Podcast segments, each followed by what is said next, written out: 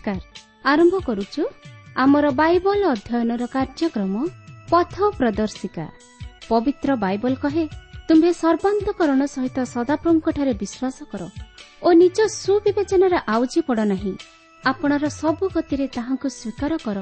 ତହିଁରେ ସେ ତୁମ୍ଭର ପଥ ସବୁ ସରଳ କରିବେ। ଆସନ୍ତୁ ସେହି ପଥ ପ୍ରଦର୍ଶକଙ୍କର ସନ୍ଧାନ ପାଇବା ନିମନ୍ତେ ଶୁଣିବା ବେତାର କାର୍ଯ୍ୟକ୍ରମ ପଥ ପ୍ରଦର୍ଶିକା।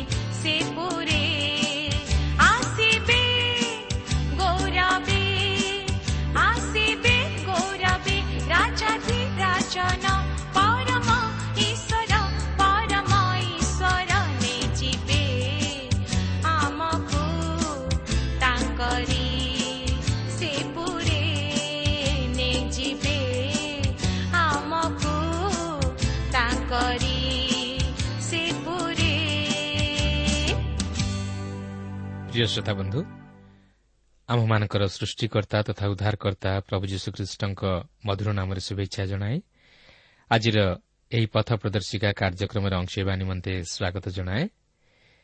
ଆପଣଙ୍କର ସହଯୋଗ ତଥା ମତାମତ ନିମନ୍ତେ ବିଶେଷ ଧନ୍ୟବାଦ। ଆପଣଙ୍କର ପ୍ରାର୍ଥନାର ଅନୁରୋଧ ରକ୍ଷା କରି ଆମେ ମଧ୍ୟ ଆପଣଙ୍କ ନିମନ୍ତେ ପ୍ରାର୍ଥନା କରୁଅଛୁ। ଆଉ ସେହି ପ୍ରଭୁ ଯୀଶୁ ନିଶ୍ଚିତ ଭାବରେ ଆପଣଙ୍କର ସମସ୍ୟା ସମାଧାନ କରିବେ।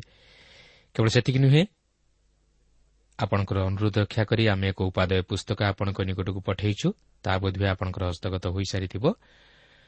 ତେବେ ତାହା ଅଧ୍ୟୟନ କରନ୍ତୁ ଆଉ ତହିଁରୁ କି ଶିକ୍ଷା ଗ୍ରହଣ କଲେ ଆଉ ତାହା କେତେଦୂର ଆପଣଙ୍କ ଜୀବନକୁ ପ୍ରଭାବିତ କରିପାରିଅଛି ତହିଁର ସାକ୍ଷ୍ୟ ସଂକ୍ଷେପରେ ଲେଖି ଜଣାନ୍ତୁ। ଆସନ୍ତୁ ପ୍ରଭୁଙ୍କର ବାକ୍ୟ ମଧ୍ୟକୁ ଯିବା ପୂର୍ବରୁ ପ୍ରାର୍ଥନା କରିବା। ପ୍ରିୟ ପବିତ୍ର ପ୍ରଭୁ ତୁମର ପବିତ୍ର ନାମର ଧନ୍ୟବାଦ କରୁଅଛୁ ତୁମର ଜୀବନ୍ତ ବାକ୍ୟ ପାଇଁ ପ୍ରଭୁ ତୁମର ଆଶୀର୍ବାଦ ପାଇଁ ତୁମର ଅନୁଗ୍ରହ ପାଇଁ ତୁମର ସୁରକ୍ଷା ପାଇଁ ପ୍ରଭୁ ତୁମେ ଆମମାନଙ୍କୁ ତୁମର ପ୍ରାଣ ଦେଇ ପ୍ରେମ କରିଅଛ ଯେପରି ଆମମାନେ ବି ନଷ୍ଟ ନ ହେଉ ସେଥିପାଇଁ ଆଜି ଆମମାନଙ୍କୁ ତୁମେ ସୁଯୋଗ ଦେଇଛ ଯେପରି ଆମେ ତୁମର ବାକ୍ୟ ଶୁଣିବା ସଙ୍ଗେ ସଙ୍ଗେ ତୁମର ସ୍ୱର ଶୁଣିପାରିବୁ ତୁମର ନିକଟବର୍ତ୍ତୀ ହେବୁ ଏବଂ ପ୍ରଭୁ ଯେପରି ଆମମାନେ ପାପରେ ବିନଷ୍ଟ ନ ହୋଇ ଉଦ୍ଧାରପ୍ରାପ୍ତ ହେବୁ ଏଥିପାଇଁ ପ୍ରଭୁ ତୁମେ ଆଜି ଆମମାନଙ୍କୁ ତୁମ ନିକଟକୁ କଢ଼ାଇ ଆଣିଅଛ ଆଉ ଏହି ସୁଯୋଗର ସଦ୍ବ୍ୟବହାର କରିବା ପାଇଁ ତୁମେ ଆମମାନଙ୍କୁ ଏକ ଜ୍ଞାନ ବିଶିଷ୍ଟ ଅନ୍ତଃକରଣ ଦାନ କର ଏକ ସରଳ ବିଶ୍ୱାସର ହୃଦୟ ଦିଅ ଏକ ସମର୍ପିତର ଜୀବନ ଦାନ କର। ଏହି ସମସ୍ତ ପ୍ରାର୍ଥନା ପ୍ରିୟ ପ୍ରଭୁ ଯୀଶୁଙ୍କ ନାମରେ ମାଗୁଅଛୁ।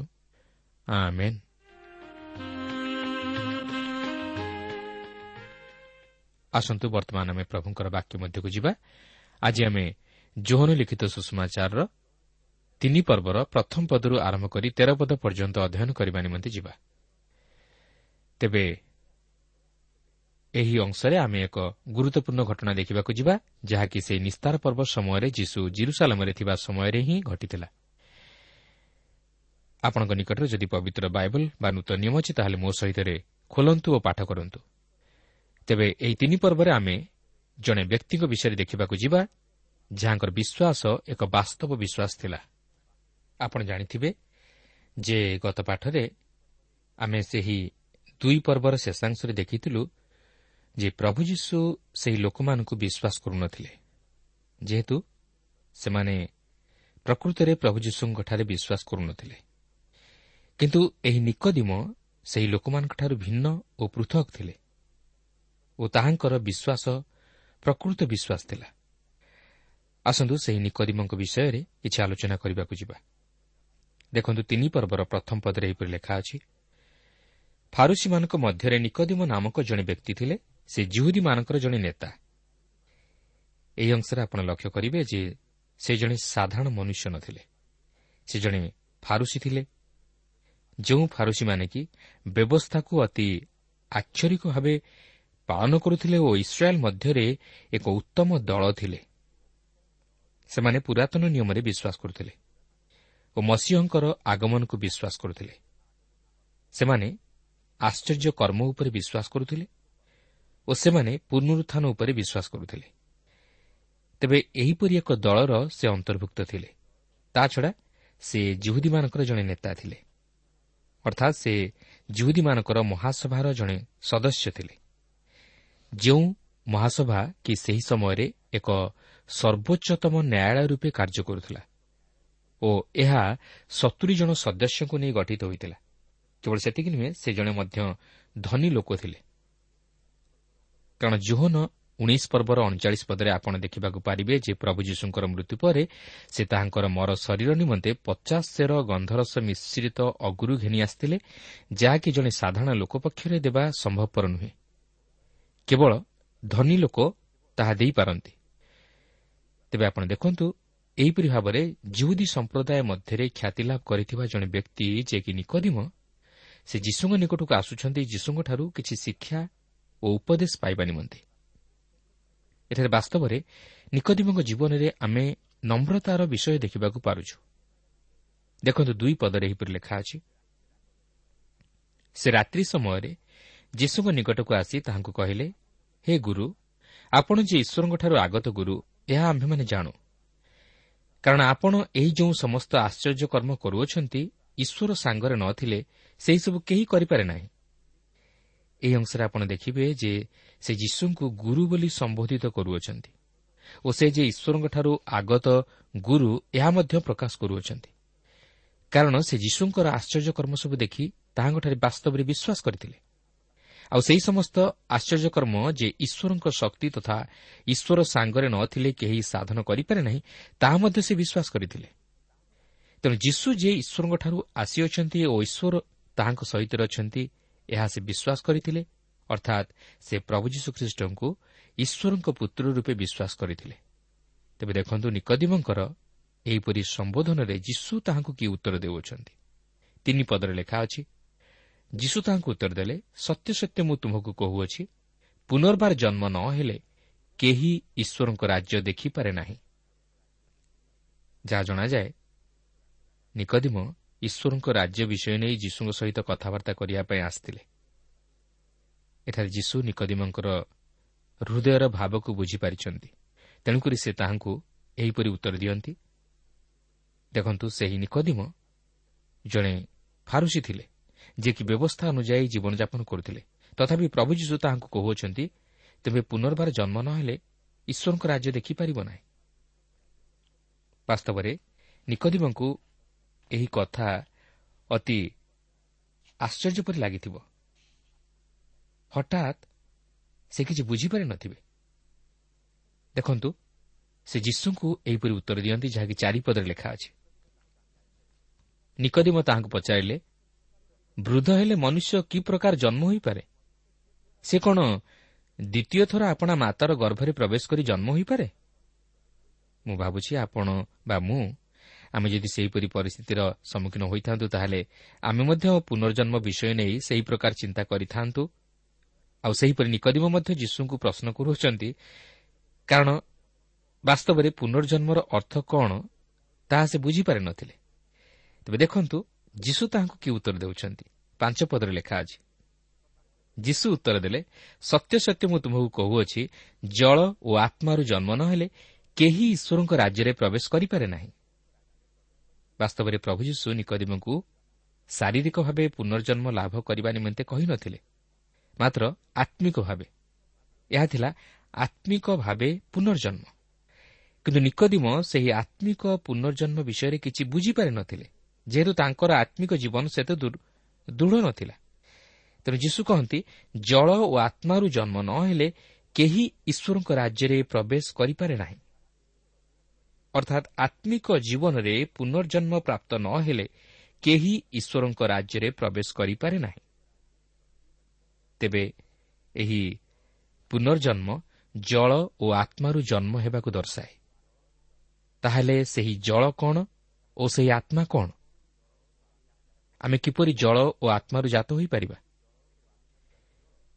ତେବେ ଏହି ଜଳ ଈଶ୍ୱରଙ୍କ ବାକ୍ୟକୁ ଦର୍ଶାଏ। ଓ ଏହି ଆତ୍ମା ପବିତ୍ର ଆତ୍ମାଙ୍କୁ ଦର୍ଶାଏ। କାରଣ ଯେପର୍ଯ୍ୟନ୍ତ ଜଣେ ବ୍ୟକ୍ତି ଈଶ୍ୱରଙ୍କ ବାକ୍ୟ ଗ୍ରହଣ କରି ପବିତ୍ର ଆତ୍ମାଙ୍କ ଦ୍ୱାରା ଆତ୍ମିକ ଜୀବନରେ ଏକ ନୂତନ ସ୍ୱଭାବ ଧାରଣ ନ କରିଛି ସେ ପର୍ଯ୍ୟନ୍ତ ସେ ସେହି ପୁନର୍ଜନ୍ମ ପ୍ରାପ୍ତ ହୋଇପାରିବ ନାହିଁ। ସେଥିପାଇଁ ଜୋହନ ସତର ପର୍ବର ସତର ପଦରେ ଲେଖା ଅଛି ସତ୍ୟ ଦ୍ୱାରା ସେମାନଙ୍କୁ ପବିତ୍ର କର ତୁମର ବାକ୍ୟ ତ ସତ୍ୟ। ବାସ୍ତବରେ ଈଶ୍ୱରଙ୍କ ବାକ୍ୟରେ ପରିଷ୍କୃତ ତଥା ପବିତ୍ରୀକୃତ କରିବାର ଏକ ଶକ୍ତି ଅଛି। ଦେଖନ୍ତୁ ଜୋହନ ପନ୍ଦର ପର୍ବର ତିନି ପଦରେ ଯୀଶୁ ଏହିପରି କହନ୍ତି ମୁଁ ତୁମମାନଙ୍କୁ ଯେଉଁ ବାକ୍ୟ କହିଅଛି ସେଥିଯୋଗୁଁ ତୁମ୍ଭେମାନେ ପରିଷ୍କୃତ ହୋଇସାରିଅଛ। ତେଣୁକରି ଈଶ୍ୱରଙ୍କ ବାକ୍ୟ ଜଳ ସ୍ୱରୂପ କାର୍ଯ୍ୟ କରେ ଓ କୌଣସି ମନୁଷ୍ୟ ଈଶ୍ୱରଙ୍କ ବାକ୍ୟ ଓ ପବିତ୍ର ଆତ୍ମାଙ୍କ ବିନା କେବେ ହେଲେ ଆତ୍ମିକ ଜୀବନରେ ପରିଷ୍କୃତ ତଥା ପବିତ୍ରକୃତ ହୋଇପାରେ ନାହିଁ। କାରଣ ପବିତ୍ର ଆତ୍ମା ଈଶ୍ୱରଙ୍କ ବାକ୍ୟ ମାଧ୍ୟମରେ ସେହି ବ୍ୟକ୍ତିର ହୃଦୟରେ କାର୍ଯ୍ୟ କରନ୍ତି ଓ ସେ ତାହାକୁ ଏକ ନୂତନ ଜୀବନ ପ୍ରଦାନ କରନ୍ତି। ସେ ତା'ର ହୃଦୟରୁ ସମସ୍ତ ପୁରାତନ ତଥା ଅନ୍ଧକାରମୟ ବିଷୟ ଦୂର କରି ତା'ର ଅନ୍ତରରେ ଏକ ନୂତନ ଜୀବନ ପ୍ରଦାନ କରନ୍ତି। ଯଦ୍ୱାରା ମନୁଷ୍ୟ ଆତ୍ମିକ ଜୀବନରେ ଏକ ନୂତନ ଜୀବନ ଲାଭ କରି ପୁନର୍ଜନ୍ମ ଲାଭ କରେ। ଅର୍ଥାତ୍ ଆତ୍ମିକ ଜୀବନରେ ସେ ନୂତନୀକୃତ ହୁଏ। ଏହା ଶାରୀରିକ ନୁହେଁ ମାତ୍ର ଆତ୍ମିକ। କିନ୍ତୁ ଏହା କେତେବେଳେ ସମ୍ଭବ ହେବ? ଯେତେବେଳେ ଆମେ ସେହି ବାକ୍ୟକୁ ଅର୍ଥାତ୍ ପ୍ରଭୁ ଯୀଶୁଙ୍କୁ ଆମର ହୃଦୟ ମଧ୍ୟରେ ଗ୍ରହଣ କରିବା ସେତେବେଳେ ଏହା ଆମମାନଙ୍କ ଜୀବନରେ ସମ୍ଭବ ହେବ।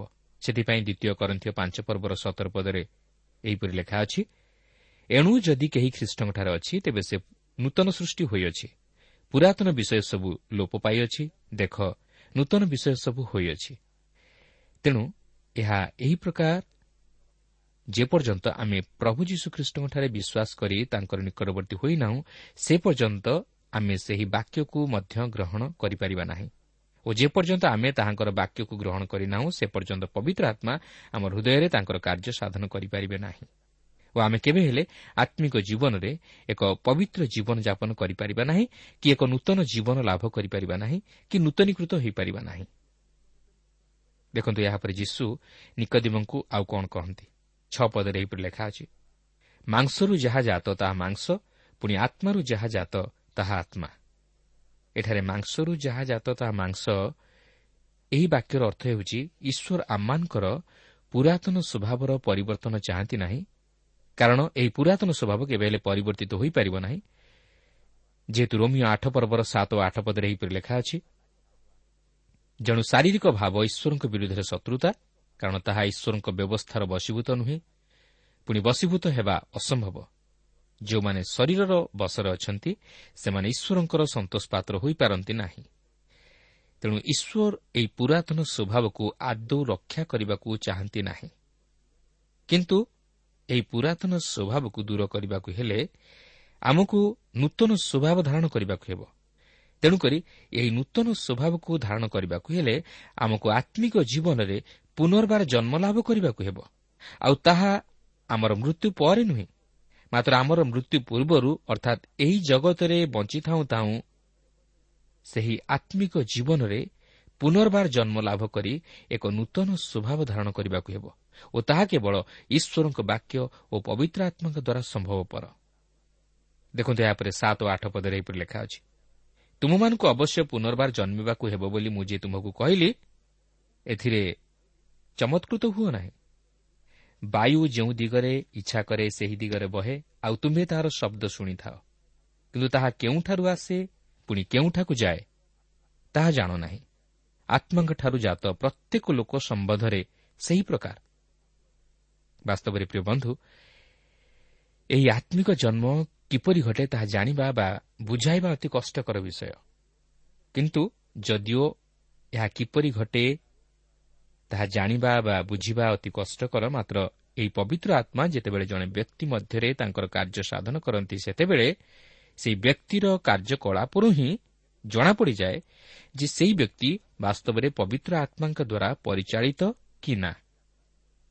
ଯେପରି ଆପଣ ପବନକୁ ଦେଖିପାରନ୍ତି ନାହିଁ ମାତ୍ର ତାହାର ଶବ୍ଦରୁ ତାହାକୁ ଜାଣିପାରନ୍ତି ବା ଗଛପତ୍ର ହଲିଲେ ଆପଣ ଜାଣିପାରନ୍ତି ଯେ ବାୟୁ ବହିଲା ବୋଲି। ଠିକ୍ ସେହିପରି ଆତ୍ମିକ ଜୀବନରେ ଯେଉଁମାନେ ନୂତନ ସ୍ୱଭାବ ଧାରଣ କରନ୍ତି ସେମାନଙ୍କର କାର୍ଯ୍ୟକଳାପ ଦ୍ୱାରା ବା ସ୍ୱଭାବ ଆଚରଣ ଦ୍ୱାରା ସେମାନେ ଜଣାଯାଆନ୍ତି। କାରଣ ପବିତ୍ର ଆତ୍ମା ଯେଉଁ ବ୍ୟକ୍ତିର ହୃଦୟରେ କାର୍ଯ୍ୟ ସାଧନ କରନ୍ତି ତାହା ଆପେ ଆପେ ଜଣାପଡ଼ିଯାଏ। ତେଣୁ ଏହା କିପରି ହୋଇପାରେ ବୋଲି ଭାବି ଆଶ୍ଚର୍ଯ୍ୟ ହୁଅନ୍ତୁ ନାହିଁ। ଯଦିଓ ଏହା କିପରି ଘଟେ ତାହା ଜାଣିବା କଷ୍ଟକର ମାତ୍ର ଏହା ଯେତେବେଳେ ଘଟିବ ସେତେବେଳେ ଆପଣଙ୍କ ଜୀବନରେ ଆଶ୍ଚର୍ଯ୍ୟ ପ୍ରକାରରେ ପରିବର୍ତ୍ତନ ଘଟିବ। ଆପଣ ତାହା ନିଜେ ଅନୁଭବ କରିପାରିବେ। ଆପଣ ସେହି ପବିତ୍ର ଆତ୍ମାଙ୍କର ସ୍ପର୍ଶତାକୁ ଅନୁଭବ କରିପାରିବେ। ସେ ଆପଣଙ୍କ ଜୀବନରେ ଆଶ୍ଚର୍ଯ୍ୟ ବିଷୟମାନ ସାଧନ କରିବେ। ଆପଣଙ୍କ ଜୀବନରେ ଏକ ନୂତନ ସ୍ୱଭାବ ପରିଲକ୍ଷିତ ହେବ। ଏହି ସମସ୍ତ ଦ୍ୱାରା ଆପଣ ସେହି ପୁନର୍ଜନ୍ମର ଅନୁଭୂତିକୁ ଲାଭ କରିପାରିବେ। ଓ ପବିତ୍ର ଆତ୍ମାଙ୍କର ଶକ୍ତିର କାର୍ଯ୍ୟକୁ ଅନୁଭବ କରିପାରିବେ। ଏପରିକି ଅନ୍ୟମାନେ ମଧ୍ୟ ତାହା ଦେଖି ଜାଣିପାରିବେ। ଦେଖନ୍ତୁ ଏହାପରେ ନିକୋଦିମ କ'ଣ କହନ୍ତି। ନ ପଦରେ ଲେଖା ଅଛି। ନିକୋଦିମ ତାହାଙ୍କୁ ଉତ୍ତର ଦେଲେ ଏହିସବୁ କିପରି ହୋଇପାରେ? ଏହି ଅଂଶରେ ଆପଣ ଲକ୍ଷ୍ୟ କରିବେ ନିକୋଦିମ ଅତି ସରଳ ଭାବରେ ଯୀଶୁଙ୍କୁ ପଚାରୁଛନ୍ତି ଏହିସବୁ କିପରି ହୋଇପାରେ? ଅର୍ଥାତ୍ ସେ ଏଠାରେ ନିଜର ଦୁର୍ବଳତାକୁ ପ୍ରକାଶ କରନ୍ତି ସେ ଜଣେ ଫାରୁସି ଓ ଜୁହୁଦୀମାନଙ୍କର ନେତା ହୋଇ ମଧ୍ୟ ନିଜର ଅହମିକା ପ୍ରକାଶ କରୁନାହାନ୍ତି ମାତ୍ର ନିଜକୁ ନମ୍ର କରି ନିଜର ଆତ୍ମିକ ଜୀବନର ଦୁର୍ବଳତାକୁ ପ୍ରକାଶ କରୁଅଛନ୍ତି। ପ୍ରିୟ ବନ୍ଧୁ ଆଜି ଯଦି ଆମେ ଯୀଶୁଙ୍କର ନିକଟବର୍ତ୍ତୀ ହୋଇ ସେହି ଆତ୍ମିକ ଜୀବନରେ ବାସ୍ତବ ଭାବରେ ନୂତନ ସ୍ୱଭାବ ଧାରଣ କରିବାକୁ ଚାହୁଁ ତାହେଲେ ଆମର ନିଜର ସମସ୍ତ ଅହମିକା ଜ୍ଞାନଗାରିମା ପଦମର୍ଯ୍ୟାଦା ଆତ୍ମଧାର୍ମିକତା ମାନ ସମ୍ମାନକୁ ଦୂରେଇ ଏକ ସରଳ ତଥା ନମ୍ର ହୃଦୟରେ ଖ୍ରୀଷ୍ଟଙ୍କ ନିକଟବର୍ତ୍ତୀ ହୋଇ ନିଜର ଦୁର୍ବଳତା ସବୁକୁ ତାହାଙ୍କ ନିକଟରେ ସ୍ୱୀକାର କରି ତାହାଙ୍କର ବାକ୍ୟକୁ ଗ୍ରହଣ କଲେ ଓ ସେହି ବାକ୍ୟ ଅନୁଯାୟୀ ଜୀବନଯାପନ କଲେ ଆମେ ନିଶ୍ଚିତ ଭାବରେ ସେହି ଆତ୍ମିକ ଜୀବନରେ ପୁନର୍ଜନ୍ମ ଲାଭ କରି ଈଶ୍ୱରଙ୍କ ସହ ସହଭାଗିତା ସ୍ଥାପନ କରିପାରିବା। ତେବେ ଏଠାରେ ଲକ୍ଷ୍ୟ କରିବାର ବିଷୟ ହେଉଛି ନିକଦିମ ଯେତେବେଳେ ଯୀଶୁଙ୍କୁ ଏହା କିପରି ହୋଇପାରେ ବୋଲି ପଚାରିଛନ୍ତି ଯୀଶୁ ସେତେବେଳେ ତାହାଙ୍କୁ ଏହିପରି କହନ୍ତି ଯାହାକି ଦଶ ପଦରୁ ତେର ପଦ ମଧ୍ୟରେ ଆମେ ଲକ୍ଷ୍ୟ କରିବାକୁ ପାରୁ ଯୀଶୁ ତାହାଙ୍କୁ ଉତ୍ତର ଦେଲେ ତୁମ୍ଭେ ଇସ୍ରାଏଲ୍ର ଜଣେ ଗୁରୁ ହୋଇ ସୁଦ୍ଧା କ'ଣ ଏହିସବୁ ବୁଝୁନାହ? ମୁଁ ତୁମକୁ ସତ୍ୟ ସତ୍ୟ କହୁଅଛି। ଆମ୍ଭେମାନେ ଯାହା ଜାଣୁ ତାହା କହୁଁ। ପୁଣି ଯାହା ଦେଖିଅଛୁ ତାହା ବିଷୟରେ ସାକ୍ଷ୍ୟ ଦେଉ। ଆଉ ତୁମେମାନେ ଆମମାନଙ୍କର ସାକ୍ଷ୍ୟ ଗ୍ରହଣ କରୁନାହ। ମୁଁ ତୁମମାନଙ୍କୁ ପାର୍ଥିବ ବିଷୟ କହିଲେ ଯଦି ତୁମେମାନେ ବିଶ୍ୱାସ ନ କର ତେବେ ତୁମମାନଙ୍କୁ ସ୍ୱର୍ଗୀୟ ବିଷୟ କହିଲେ କିପରି ବିଶ୍ୱାସ କରିବ? ଆଉ ଯେଉଁ ମନୁଷ୍ୟପୁତ୍ର ସ୍ୱର୍ଗରୁ ଅବତରଣ କଲେ ତାହାଙ୍କ ବିନା ଆଉ କେହି ସ୍ୱର୍ଗାରୋହଣ କରିନାହିଁ ତେବେ ଏଠାରେ ଯୀଶୁ ନିକଦିମଙ୍କୁ କହୁଛନ୍ତି ନିକଦିମ ତୁମେ ଇସ୍ରାଏଲ୍ର ଜଣେ ଗୁରୁ ହୋଇ ସୁଦ୍ଧା କ'ଣ ଏହି ସମସ୍ତ ବୁଝିପାରୁନା ଅର୍ଥାତ୍ ନିକଦିମ ବାସ୍ତବରେ ତାହା ସତ୍ୟ ବୋଲି ଭାବିପାରୁନାହାନ୍ତି। ମାତ୍ର ଯୀଶୁ ତାହାଙ୍କୁ ଜଣାଇ ଦିଅନ୍ତି ଯେ ସେ ଯାହା ଯାହା କହନ୍ତି ତାହା ସବୁ ସତ୍ୟ। କାରଣ ସେ ଯାହା କହନ୍ତି ତାହା ନିଜରୁ କହନ୍ତି ନାହିଁ ମାତ୍ର ତାହାଙ୍କର ପ୍ରେରଣକର୍ତ୍ତା ପିତା ସେହି ସମସ୍ତ ବିଷୟ ପ୍ରକାଶ କରନ୍ତି। କାରଣ ସେ ହିଁ କେବଳ ପିତା ଈଶ୍ୱରଙ୍କଠାରୁ ଆସିଲେ ଓ ସେ ହିଁ କେବଳ ଏକମାତ୍ର ଯିଏକି ସ୍ୱର୍ଗରୁ ଅବତରଣ କରି ଏହି ଜଗତକୁ ଆସିଲେ। ଓ ତାହାଙ୍କର ସାକ୍ଷ୍ୟ ସତ୍ୟ। ତେବେ ଏଠାରେ ଏକ ଗୁରୁତ୍ୱପୂର୍ଣ୍ଣ ବିଷୟ ଆପଣ ଲକ୍ଷ୍ୟ କରିବେ ଯାହାକି ଯୀଶୁ କହନ୍ତି ତାହାଙ୍କ ବିନା ଆଉ କେହି ସ୍ୱର୍ଗାରୋହଣ କରିନାହିଁ ତେବେ ଅନେକ କହନ୍ତି ଯେ ପୁରାତନ ନିୟମରେ ହନୁକ ଓ ଏଲିୟ ସ୍ୱଦେହରେ ସ୍ୱର୍ଗକୁ ଗମନ କଲେ ବୋଲି। କିନ୍ତୁ ପ୍ରକୃତରେ ସେମାନେ ସିଧାସଳଖ ସ୍ୱର୍ଗକୁ ଯାଇନଥିଲେ। କାରଣ ପ୍ରଭୁ ଯୀଶୁ ଏଠାରେ କହନ୍ତି ଯେ ତାହାଙ୍କ ବିନା ଆଉ କେହି ସ୍ୱର୍ଗାରୋହଣ କରିନାହିଁ। ତାହେଲେ ସେମାନେ କେଉଁଠିକି ଗଲେ? ସେମାନେ ସେହି ପାରାଡାଇଜ୍କୁ ଯାଇଥିଲେ ଯାହାକୁ ଅବ୍ରାହମ୍ଙ୍କ କୋଳ ବୋଲି ଲୁକ ଷୋହଳ ପର୍ବର ବାଇଶ ପଦରେ ଉଲ୍ଲେଖ କରାଯାଇଅଛି କିନ୍ତୁ ବର୍ତ୍ତମାନ ଏହା ସତ୍ୟ ଯେ ଖ୍ରୀଷ୍ଟ ମୃତ୍ୟୁରୁ ପୁନରୁଦ୍ଧିତ ହୋଇ ସ୍ୱର୍ଗାରୋହଣ କରିବା ପରେ ଅନେକ ସେହି ସ୍ୱର୍ଗକୁ ଆରୋହଣ କରିଅଛନ୍ତି। କିନ୍ତୁ ପୁରାତନ ନିୟମରେ ଯେଉଁସବୁ ଈଶ୍ୱରଙ୍କର ଭକ୍ତ ତଥା ସାଧୁମାନେ ଓ ତାହାଙ୍କର ନିଜ ଲୋକମାନେ ମରିଥିଲେ ସେମାନେ ସିଧାସଳଖ ସେହି ସ୍ୱର୍ଗକୁ ଆରୋହଣ କରିନଥିଲେ ମାତ୍ର ସେହି ପାରାଡାଇସ୍କୁ ଯାଇଥିଲେ। କିନ୍ତୁ ଯେପର୍ଯ୍ୟନ୍ତ ପ୍ରଭୁ ଯୀଶୁଖ୍ରୀଷ୍ଟ ମୃତ୍ୟୁରୁ ପୁନରୁଦ୍ଧିତ ହୋଇ ସ୍ୱର୍ଗାରୋହଣ କରି ସେହି ପାରାଡାଇଜ୍ରୁ ସେମାନଙ୍କୁ ସ୍ୱର୍ଗରେ ଈଶ୍ୱରଙ୍କ ଉପସ୍ଥିତି ମଧ୍ୟକୁ ଘେନିଯାଇ ଥିଲେ ସେ ପର୍ଯ୍ୟନ୍ତ ସେମାନେ ସ୍ୱର୍ଗକୁ ଯାଇପାରିନଥିଲେ। କିନ୍ତୁ ପ୍ରଭୁ ଯୀଶୁ ଖ୍ରୀଷ୍ଟଙ୍କର ସ୍ୱର୍ଗାରୋହଣ ପରେ ସେହି ସମୟଠାରୁ ଈଶ୍ୱରଙ୍କ ସନ୍ତାନମାନେ ଶରୀରଠାରୁ ଦୂରରେ ବାସ କରି ପ୍ରଭୁଙ୍କ ନିକଟରେ ନିବାସ କରନ୍ତି। କାରଣ ଦ୍ୱିତୀୟ କରନ୍ଥୀୟ ପାଞ୍ଚ ପର୍ବର ଆଠ ପଦରେ ଏହିପରି ଲେଖା ଅଛି ହଁ ଆମେମାନେ ସାହସୀ ଅଟୁ। ଆଉ ଶରୀରଠାରୁ ଦୂରରେ ବାସ କରି ବରଂ ପ୍ରଭୁଙ୍କ ନିକଟରେ ନିବାସ କରିବାରେ ଆମ୍ଭମାନଙ୍କର ଅଧିକ ସନ୍ତୋଷ। କିନ୍ତୁ ଯେତେବେଳେ ପ୍ରଭୁ ଯୀଶୁ ଏହି ଜଗତରେ ଥିଲେ ସେଥିପୂର୍ବରୁ ଅନ୍ୟ କୌଣସି ଲୋକ ସ୍ୱର୍ଗାରୋହଣ କରିନଥିଲେ। କାରଣ ସେ ନିଜେ କହନ୍ତି ଯେ ସେ ସେହି ସ୍ୱର୍ଗରୁ ଅବତରଣ କଲେ ଏପରିକି ସେ ସେହି ମନୁଷ୍ୟପୁତ୍ର ଯିଏକି ସେହି ସ୍ୱର୍ଗରେ ଥିଲେ। ଅର୍ଥାତ୍ ସେ କହିବାକୁ ଚାହାନ୍ତି ଯେ ସେ ହେଉଛନ୍ତି କେବଳ ଏକମାତ୍ର ଜଣେ ବ୍ୟକ୍ତି ଯିଏକି ସ୍ୱର୍ଗ ବିଷୟରେ କହିପାରିବେ ଯେହେତୁ ସେ ହେଉଛନ୍ତି କେବଳ ଏକମାତ୍ର ବ୍ୟକ୍ତି ଯିଏକି ସ୍ୱର୍ଗାରୋହଣ କରିଅଛନ୍ତି। ତେଣୁକରି ଆପଣ ଦେଖନ୍ତୁ ଜୋହନ ଷୋହଳ ପର୍ବର ଅଠେଇଶ ପଦରେ ଏହିପରି ଲେଖା ଅଛି ମୁଁ ପିତାଙ୍କ ନିକଟରୁ ଜଗତକୁ ଆସିଅଛି। ପୁନର୍ବାର ମୁଁ ଜଗତ ପରିତ୍ୟାଗ କରି ପିତାଙ୍କ ନିକଟକୁ ଯାଉଅଛି। ତେଣୁକରି ଏହିପରି ଭାବରେ ପ୍ରଭୁ ଯୀଶୁ ନିକଦିମଙ୍କ ନିକଟରେ ନିଜକୁ ପ୍ରକାଶ କରନ୍ତି ଯେପରି ନିକଦିମ ତାଙ୍କର ସାକ୍ଷ୍ୟକୁ ସତ୍ୟ ବୋଲି ଗ୍ରହଣ କରି ତାହାଙ୍କଠାରେ ଦୃଢ଼ ବିଶ୍ୱାସ ସ୍ଥାପନ କରନ୍ତି ଓ ସେହି ପୁନର୍ଜନ୍ମ ଲାଭ କରି ସ୍ୱର୍ଗ ରାଜ୍ୟର ଅଧିକାରୀ ହୁଅନ୍ତି ଓ ଅନନ୍ତ ଜୀବନରେ ପ୍ରବେଶ କରନ୍ତି। ଏହାପରେ ସେ ତାହାଙ୍କୁ ମଧ୍ୟ ପୁରାତନ ନିୟମରେ ଉଦ୍ଧାରର ଏକ ଘଟଣାକୁ ଉପସ୍ଥାପିତ କରିବାକୁ ଯାଉଛନ୍ତି ଯାହାକି ପ୍ରଭୁ ଯୀଶୁଖ୍ରୀଷ୍ଟଙ୍କ ସେହି କୃଷ୍ୟ ମୃତ୍ୟୁ ପ୍ରତି ଅଙ୍ଗୁଳି ନିର୍ଦ୍ଦେଶ କରେ। କିନ୍ତୁ ଆଜି ତାହା ଆମେ ଅଧ୍ୟୟନ କରିବାକୁ ଯିବା ନାହିଁ। ମାତ୍ର ପରବର୍ତ୍ତୀ କାର୍ଯ୍ୟକ୍ରମରେ ଆମେ ତାହା ଆଲୋଚନା କରିବା।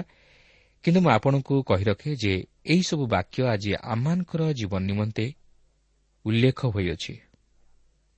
ଯେପରି ଆମେ ଏହି ବାକ୍ୟ ଦ୍ୱାରା ନିଜକୁ ସଂଶୋଧିତ କରି ତାହାଙ୍କଠାରେ ବିଶ୍ୱାସ କରି ଓ ତାହାଙ୍କୁ ନିଜ ହୃଦୟରେ ଗ୍ରହଣ କରି ପାପରୁ ଉଦ୍ଧାର ପାଇ ସେହି ଅନନ୍ତ ଜୀବନର ଅଧିକାରୀ ହେଉ। କ'ଣ ଆପଣ ତାହା କରିବା ନିମନ୍ତେ ପଦକ୍ଷେପ ଗ୍ରହଣ କରିଅଛନ୍ତି କି? ଯଦି କରିଛନ୍ତି ତାହେଲେ ଆମ ନିକଟକୁ ପତ୍ର ଲେଖି ଜଣାଇଲେ। ଆମେ ଆପଣଙ୍କ ନିମନ୍ତେ ମଧ୍ୟ ପ୍ରାର୍ଥନା କରିବୁ। ପ୍ରିୟ ବନ୍ଧୁ ସୁଯୋଗ ଥାଉଁ ଥାଉଁ ସୁଯୋଗର ସଦ୍ବ୍ୟବହାର କରିବା ଉଚିତ। ଆମେ ଜାଣୁନା କେଉଁ ମୁହୂର୍ତ୍ତରେ ପ୍ରଭୁଙ୍କଠାରୁ ଆମମାନଙ୍କ ପାଇଁ ଡାକରା ଆସିବ। କିନ୍ତୁ ପ୍ରଭୁ ଚାହାନ୍ତି ଯେପରି ଆମମାନେ ଏହି ଜଗତରୁ ବିଦାୟ ନେବା ପୂର୍ବରୁ ଯେପରି ତାହାଙ୍କର ହେଉ ପାପରୁ ଉଦ୍ଧାର ପ୍ରାପ୍ତ ହୋଇ ଅନନ୍ତ ଜୀବନର ଅଧିକାରୀ ହେଉ। ପ୍ରଭୁ ତାହା ହିଁ ଆମମାନଙ୍କ ଜୀବନରୁ ଚାହାନ୍ତି। ଆଉ ସେ ଆଜି ମଧ୍ୟ ଅପେକ୍ଷା କରି ରହିଅଛନ୍ତି। କେତେବେଳେ ଆମେ ତାହାଙ୍କ ନିକଟକୁ ଫେରିଆସିବା ତେଣୁ ଆସୁ ନିଜକୁ ନମ୍ର କରି ଅନୁତପ୍ତ ହୃଦୟରେ ପ୍ରଭୁ ଯୀଶୁଙ୍କ ନିକଟକୁ ଫେରିଆସୁ ତାହେଲେ ଆମେ ଉଦ୍ଧାରପ୍ରାପ୍ତ ହେବା। ପ୍ରଭୁ ପ୍ରତ୍ୟେକଙ୍କୁ ଆଶୀର୍ବାଦ କରନ୍ତୁ। ପ୍ରିୟ ଶ୍ରୋତା ଆମର କାର୍ଯ୍ୟକ୍ରମ ନିୟମିତ ଶୁଣୁଥିବାରୁ ଅଶେଷ ଧନ୍ୟବାଦ। ଆପଣ ଏହି କାର୍ଯ୍ୟକ୍ରମ ଶୁଣିବା ଦ୍ୱାରା ଆତ୍ମିକ ଜୀବନରେ ଉପକୃତ ହୋଇପାରିଥିବେ ବୋଲି ଆମର ବିଶ୍ୱାସ। ପ୍ରଭୁ ଯୀଶୁଙ୍କ ବିଷୟରେ ଅଧିକ ଜାଣିବାର ଆଗ୍ରହ ଥିଲେ ଅଥବା ଉପାଦେୟ ପୁସ୍ତକର ଆବଶ୍ୟକ ଥିଲେ ଆମ ସହ ଯୋଗାଯୋଗ କରନ୍ତୁ। ଆମର ଠିକଣା ପଥ ପ୍ରଦର୍ଶିକା trans world radio India post box number ତିନି ତିନି ଭୁବନେଶ୍ୱର ସାତ ପାଞ୍ଚ ଏକ ଶୂନ ଶୂନ ଏକ। ଟେଲିଫୋନ୍ ନମ୍ବର ଶୂନ ଛଅ ସାତ ଚାରି ଦୁଇ ତିନି ଶୂନ ଶୂନ ତିନି ତିନି ପାଞ୍ଚ। ଠିକଣାଟି ଆଉଥରେ ଶୁଣନ୍ତୁ। ପଥ ପ୍ରଦର୍ଶିକା trans world radio India post box number three three Bhubaneswar seven five one zero zero one telephone number zero six seven four two three zero zero three three five ଆମର ଇମେଲ୍ ଆଡ୍ରେସ୍ଟି ଲେଖି ରଖନ୍ତୁ Odia TTV at radio eight eight two dot com ତେବେ ଆଜି ପାଇଁ ବିଦାୟ ଦିଅନ୍ତୁ। ନମସ୍କାର।